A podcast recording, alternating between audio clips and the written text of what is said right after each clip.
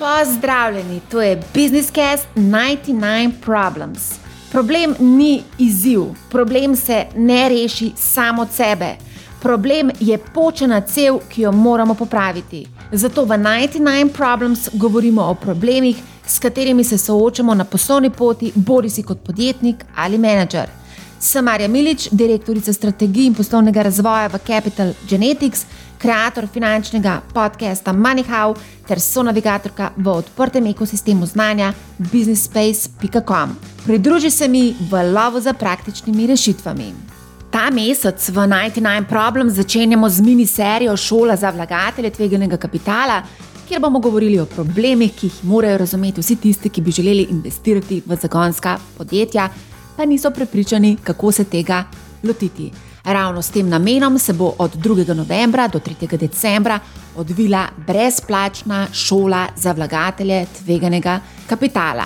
Udeleženci šole bodo izvedeli, kako poiskati prave priložnosti, kakšne so lahko tveganja, kako oceniti vrednost zagonskega podjetja, koliko kapitala pravzaprav potrebujemo, pa tudi kakšna znanja so potrebna, da pod črto kot vlagatelj ustvarimo lepe donosnosti. Več informacij o vsebini in programu dobite na spletni strani www.solazavlagatelje.com. Odgovore, praktične rešitve in dragocene lekcije boste dobili od izkušenih vlagateljev in strokovnjakov.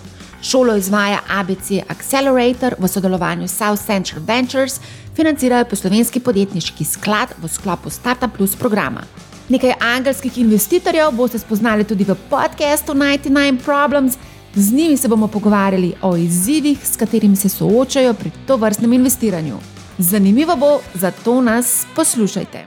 Moj današnji gost je izkušen podjetnik in investitor Edward Medič, ki nam bo razkril, kakšno je življenje angelskega investitorja, kako se povezovati in še kup drugih zanimivosti iz tega sveta. Pozdravljeni, gospod Medič. Pozdravljena, živijo. Kako ste? Deva reči jutranje. Angelski investitorji ne rabimo zgodaj zjutraj ostajati, tako da deva reči jutranje, hecam se. Eh, ne, zelo lepo vreme, tako da krasno.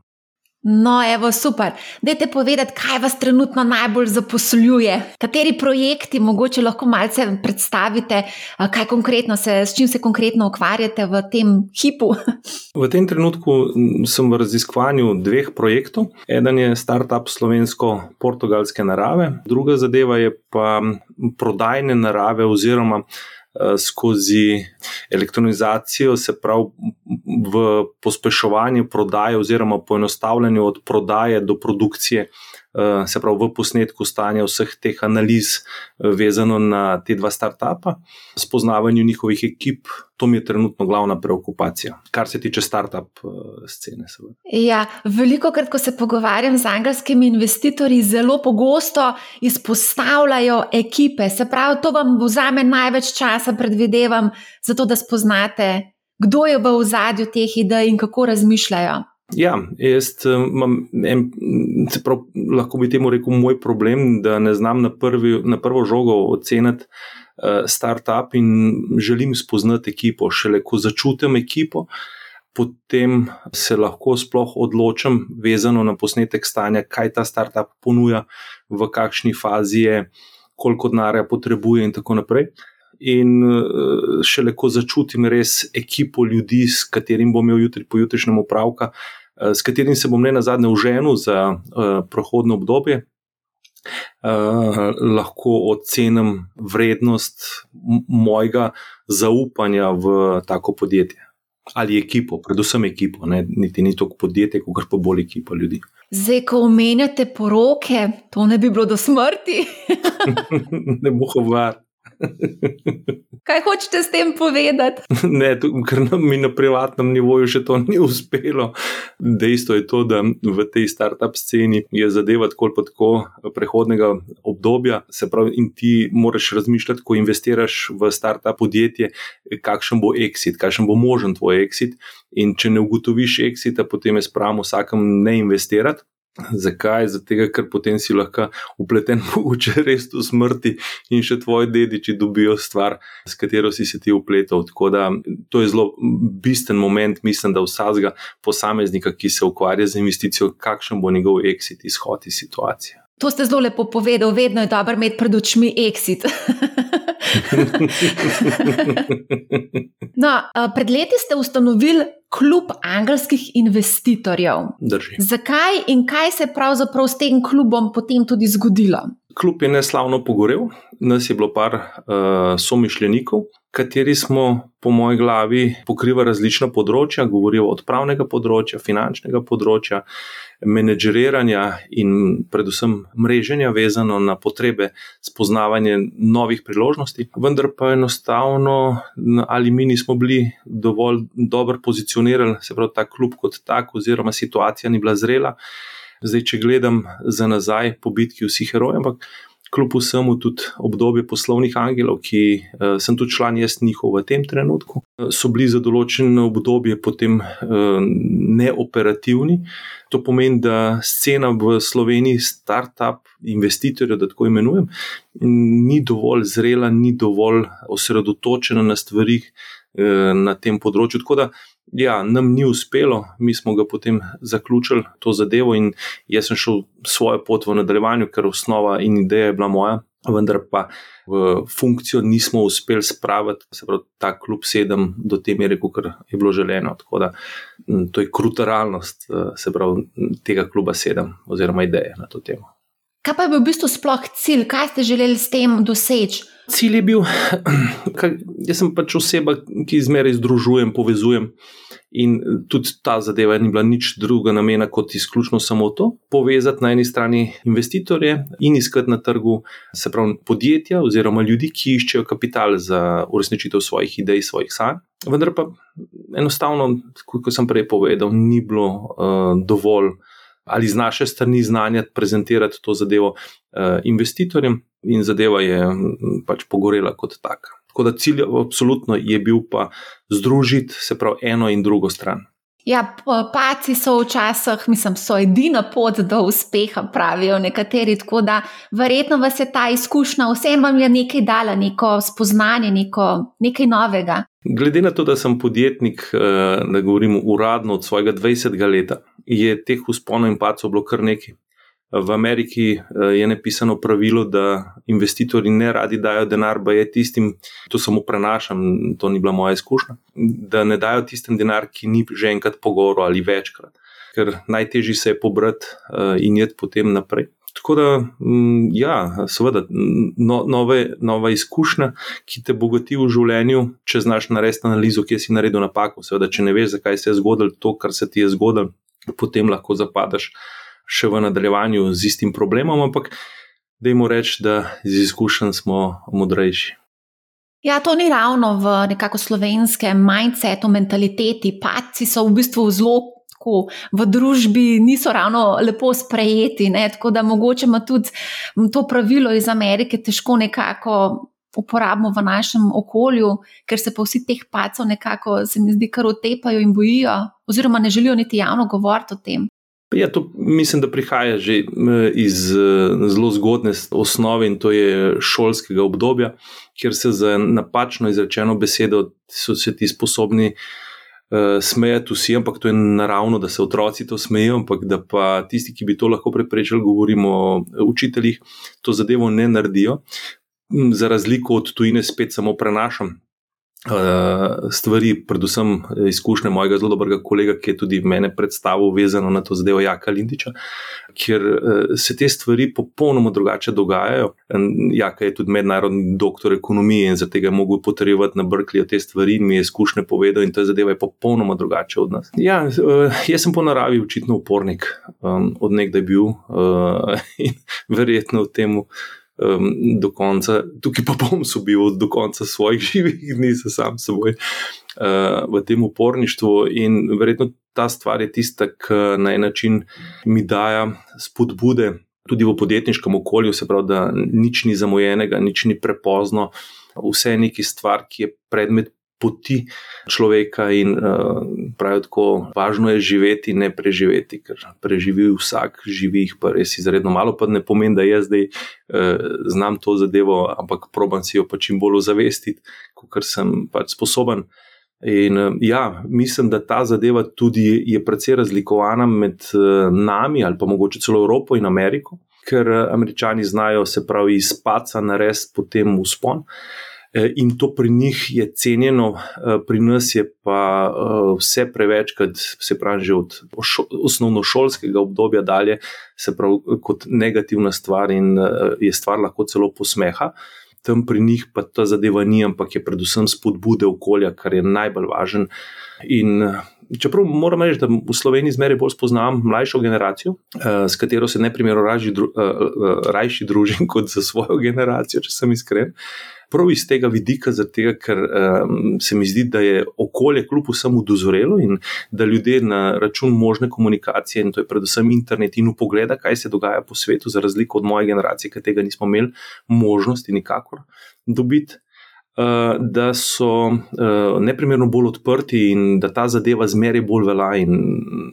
Meni, moram reči, blazno pisano na kožo, da so ljudje oziroma da se je okolje spremenil in da tako reflektira na ljudi, eh, da so ljudje spodbudni in da se veselijo jutri.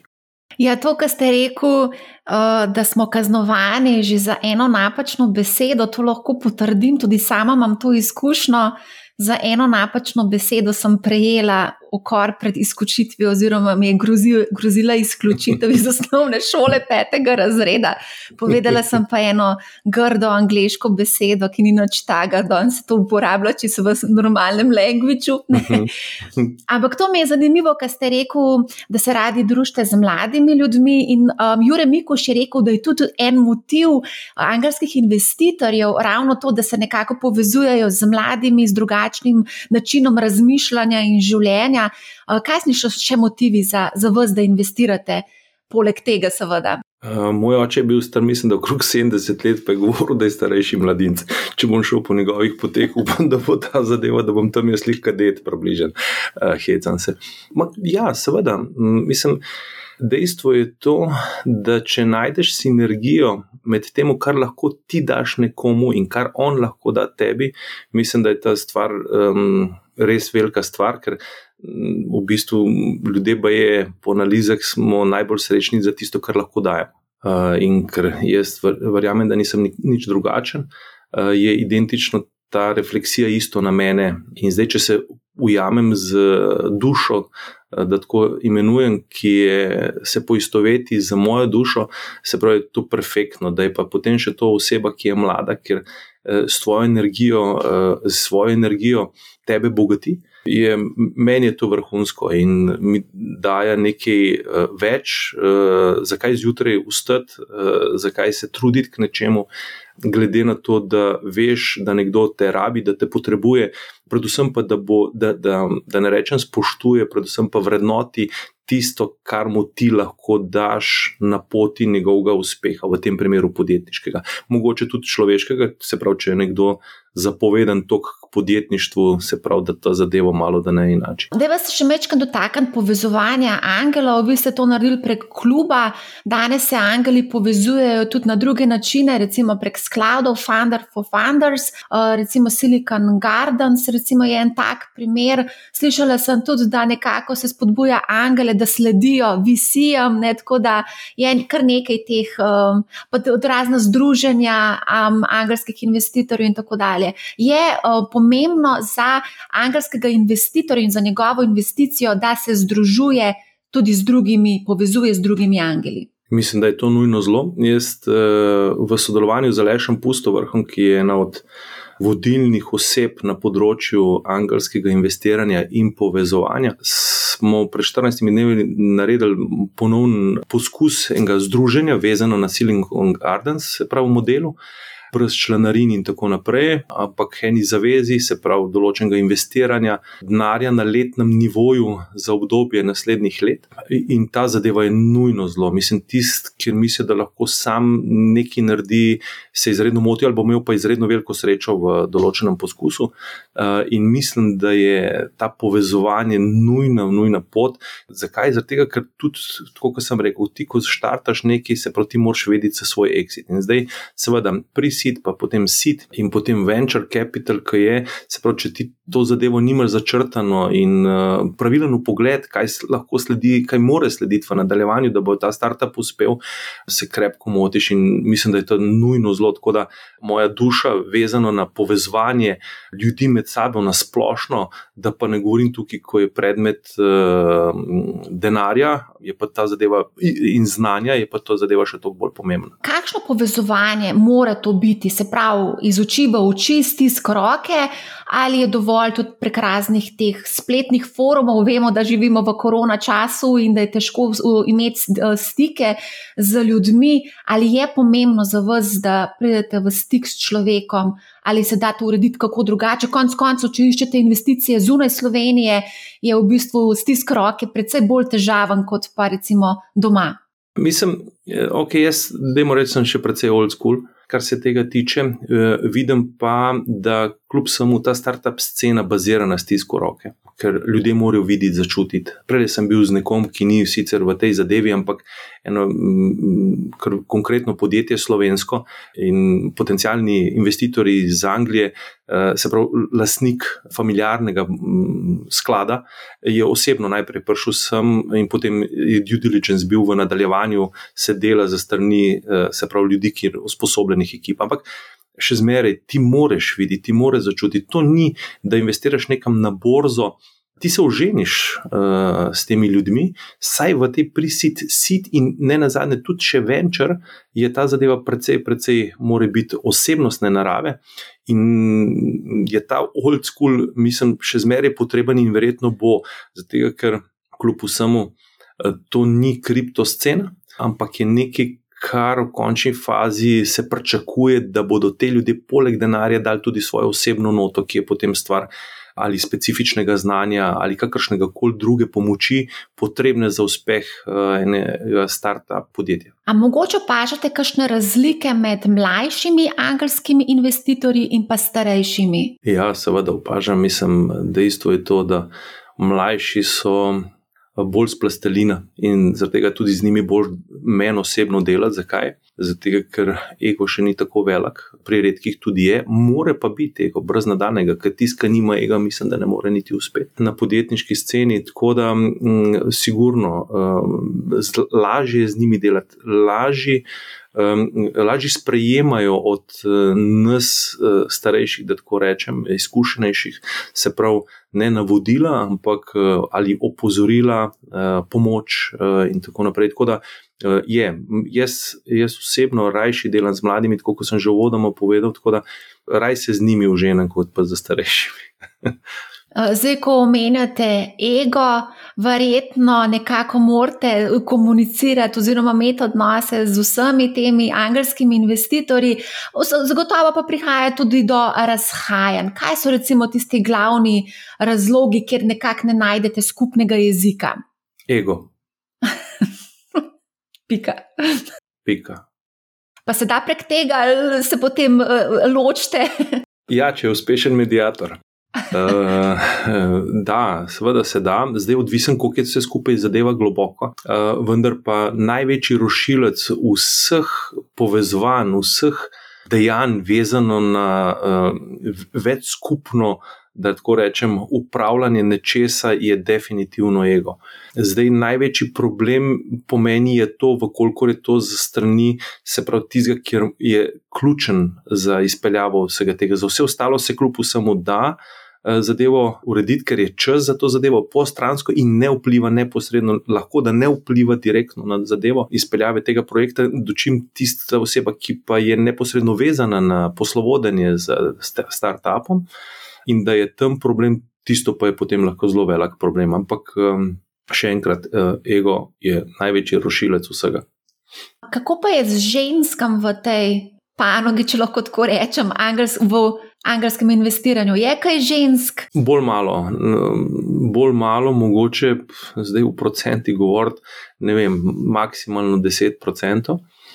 Support z ženskami, ja, so uh, v tej sceni, ampak eh, v samem neposrednem investitorstvu pa izredno, izredno malo, pa je pa ta zadeva se bolj približuje 5%. Pa glede na to, da sem vključen na raznih nivojih uh, tega angelskega investiranja ali na splošno investiranje, uh, lahko vrednotam to do te mere, da rečem izredno malo, premalo.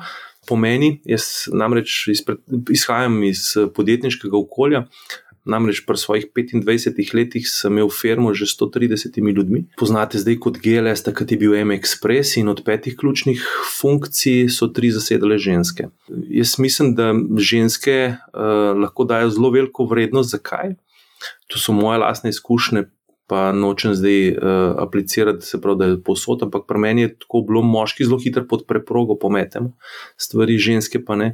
Uh, in ženske znate na drugačen način to zadevo obpeljati, in meni je bila ta zadeva izredno uh, ok, zato ker je bilo izredno fair uh, do vseh upletenih in uh, znate zahtevati red uh, in ne prestopiti tega praga, ne da bi zadevo ga počistili za sabo. In meni bo to zelo v redu. Tako da meni osebno uh, bi videl, red, da je več žensk, tudi v klubu sedem, smo imeli sicer samo eno žensko, ampak ta zadeva je bila. Ta oseba je bila ključnega pomena, zakaj? Zato, ker ona je bila financerka in plus tega izhaja pa iz, kot pravnik, in eno in drugo uh, znanje bi blazno uh, lahko koristil tej zadevi, plus energična oseba, korektna in tako naprej. Eh, vendar pa pač tako je, zakaj je to tako, ne vem, eh, očitno okolje, še zmeraj patriarhata, ki odžareva se tudi na tem področju. Žal. Ja, mogoče pa tudi uh, vezano na to, da ni ravno najbolj konzervativna naložba to vrstno investiranje. Ne?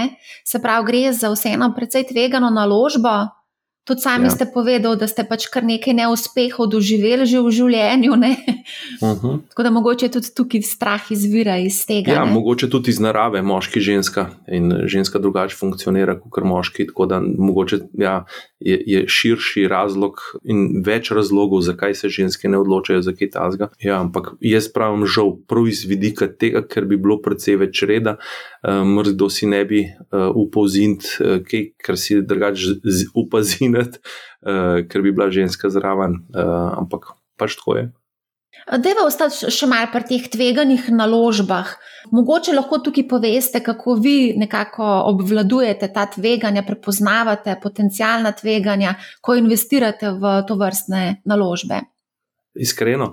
Iskreno. Nikakor. Glede na to, da sem že v fazi investitorstva, kar že konkretno let, in glede na to, da statistika je vsem znana, sicer pri nas je ta zadeva toliko manjša, pogledal pa ne vem, kdo to sploh vodi, ampak recimo v Silicon Valley je v Ameriki, mislim, da je celo čez 98% eh, podjetij, da pogrne. Se pravi, kdo misli, da vlada, potem laže. Stvari so precej pogojene z spletom na ključi. Jaz osebno, kot sem prej povedal, z občutkom in um, vse analize. Ki so predmet pogojevanj pri klasičnem investiranju, že zgrajene firme, tukaj padejo v vodo. In tukaj govoriti v nečemu, kaj bo uspel, pa kaj ne bo uspel, Vem, prej, preden smo začeli mi dva za snemanjem, sem brskal in ženska, evo, ko so rekla, uh, rekorderka, kot ženska, 34 milijard vredna firma za oblikovanje urodi, uh, z urodji na, na internetu, je uspela.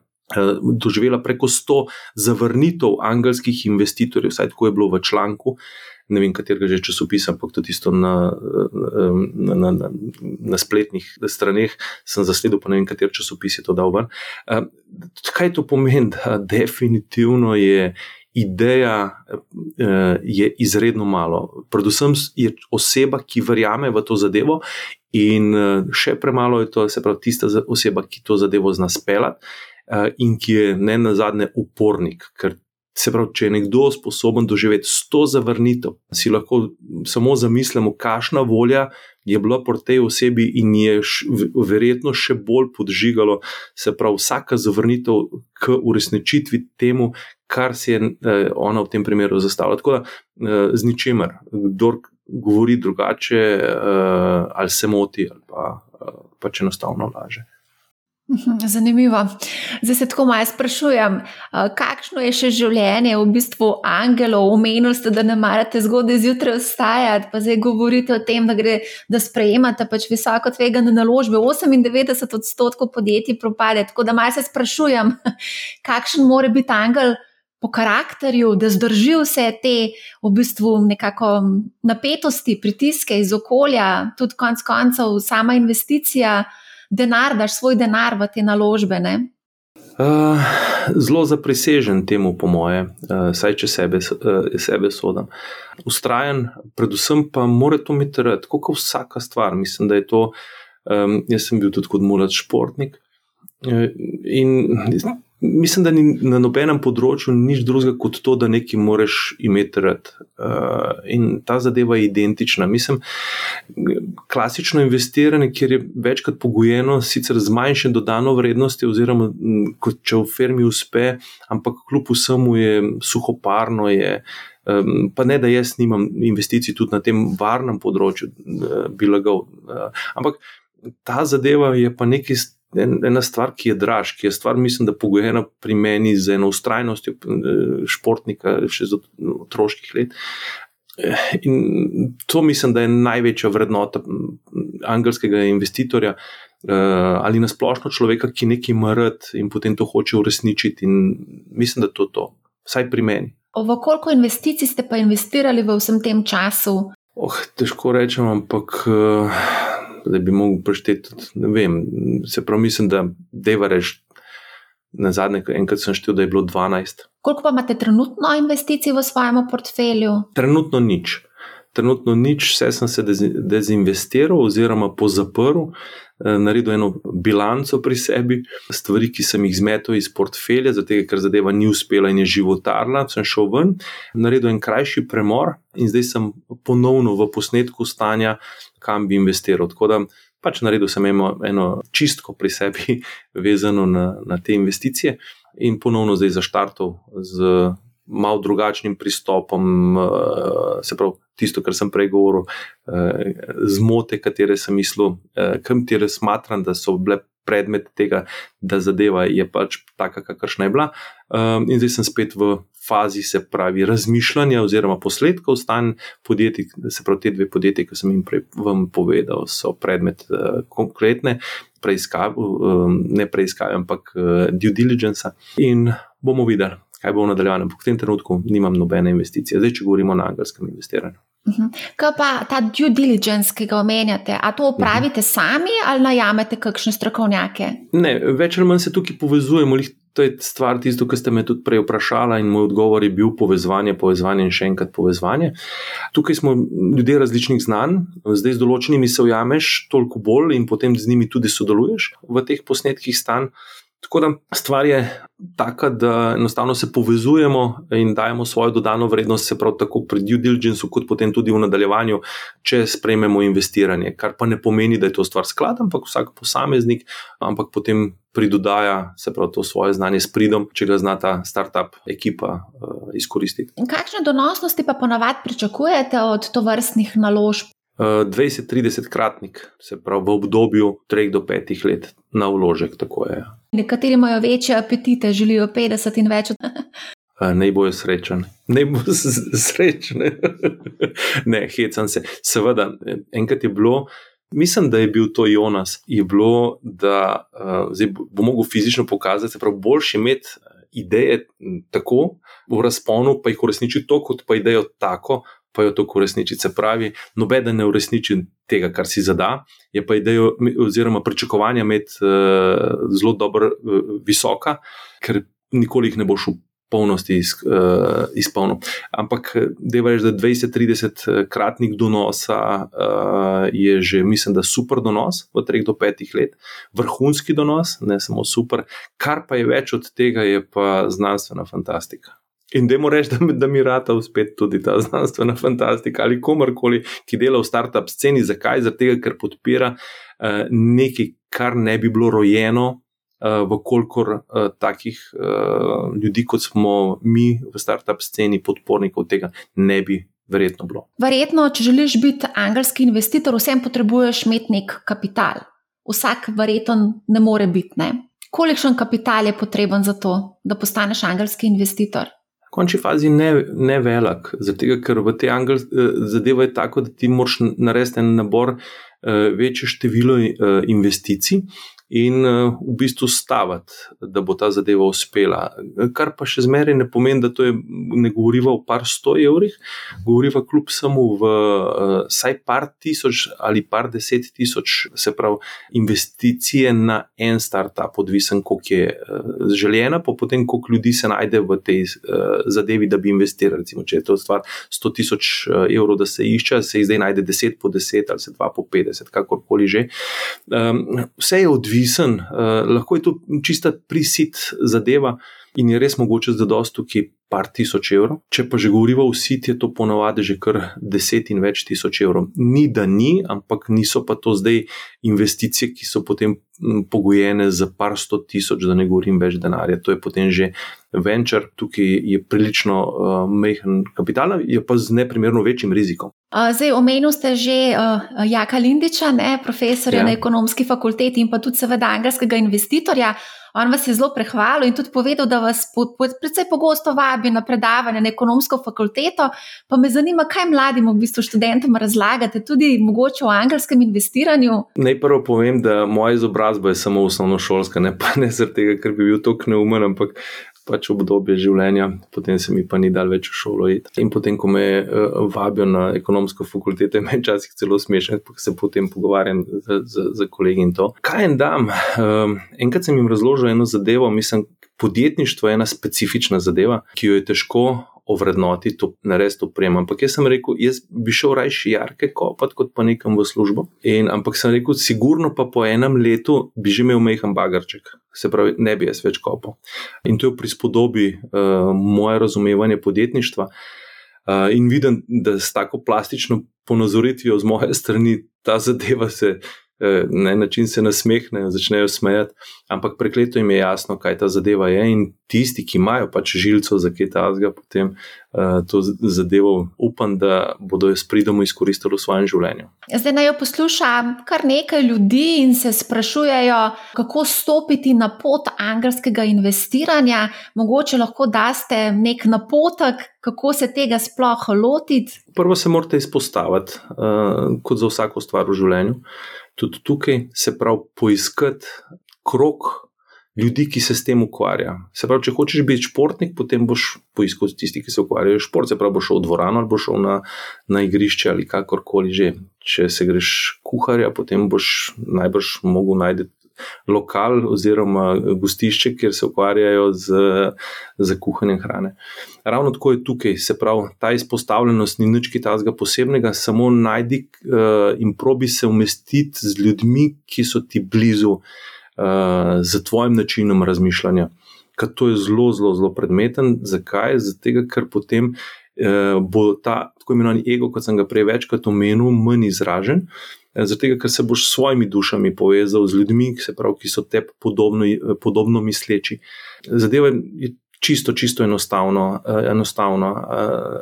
Tako da trenutno, kljub vsemu v Sloveniji, ne glede na to, da startup scena ni tako razširjena kot v razvitih državah, vezano na startup sceno Amerike, Anglije in tako naprej.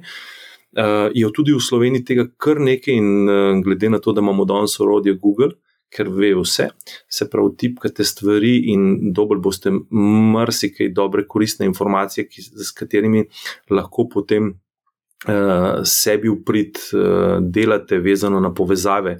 Uh, ljudi, ki se ukvarjamo s takimi stvarmi. Tako da, vludno vabljeni, več nas bo, boljše bo, zakaj? Zato, ker bomo podpirali to podjetniško sceno, ki pa v Sloveniji ni zanemrljiva, to vam lahko povem. Uh, Uh, mogoče tudi to izhaja v, v, v tem, ker v Sloveniji je kar uh, precej usposobljenih ljudi, uh, osebni dohodki vezano na delovno mesto, napremen je Nemčije pa deljeno tri, deljeno štiri, in uh, ljudje uh, kar iščejo svetlobo m, na koncu tunela oziroma svojo perspektivo v podjetništvu. Tako da, uh, welcome to the club.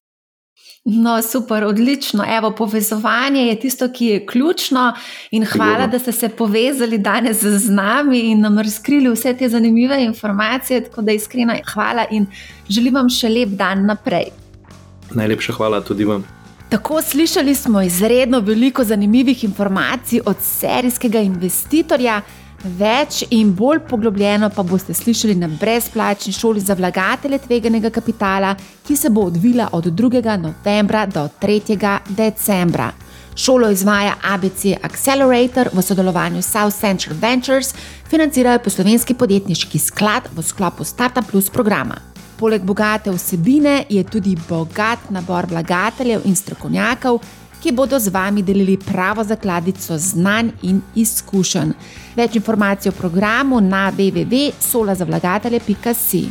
Hvala, da ste bili z nami. Če imate kakršno koli vprašanje, mi pišite na marja.afnabusinessspace.com. Poslušajte 99 Problems, saj se problemi ne rešijo sami od sebe. Lep pozdrav!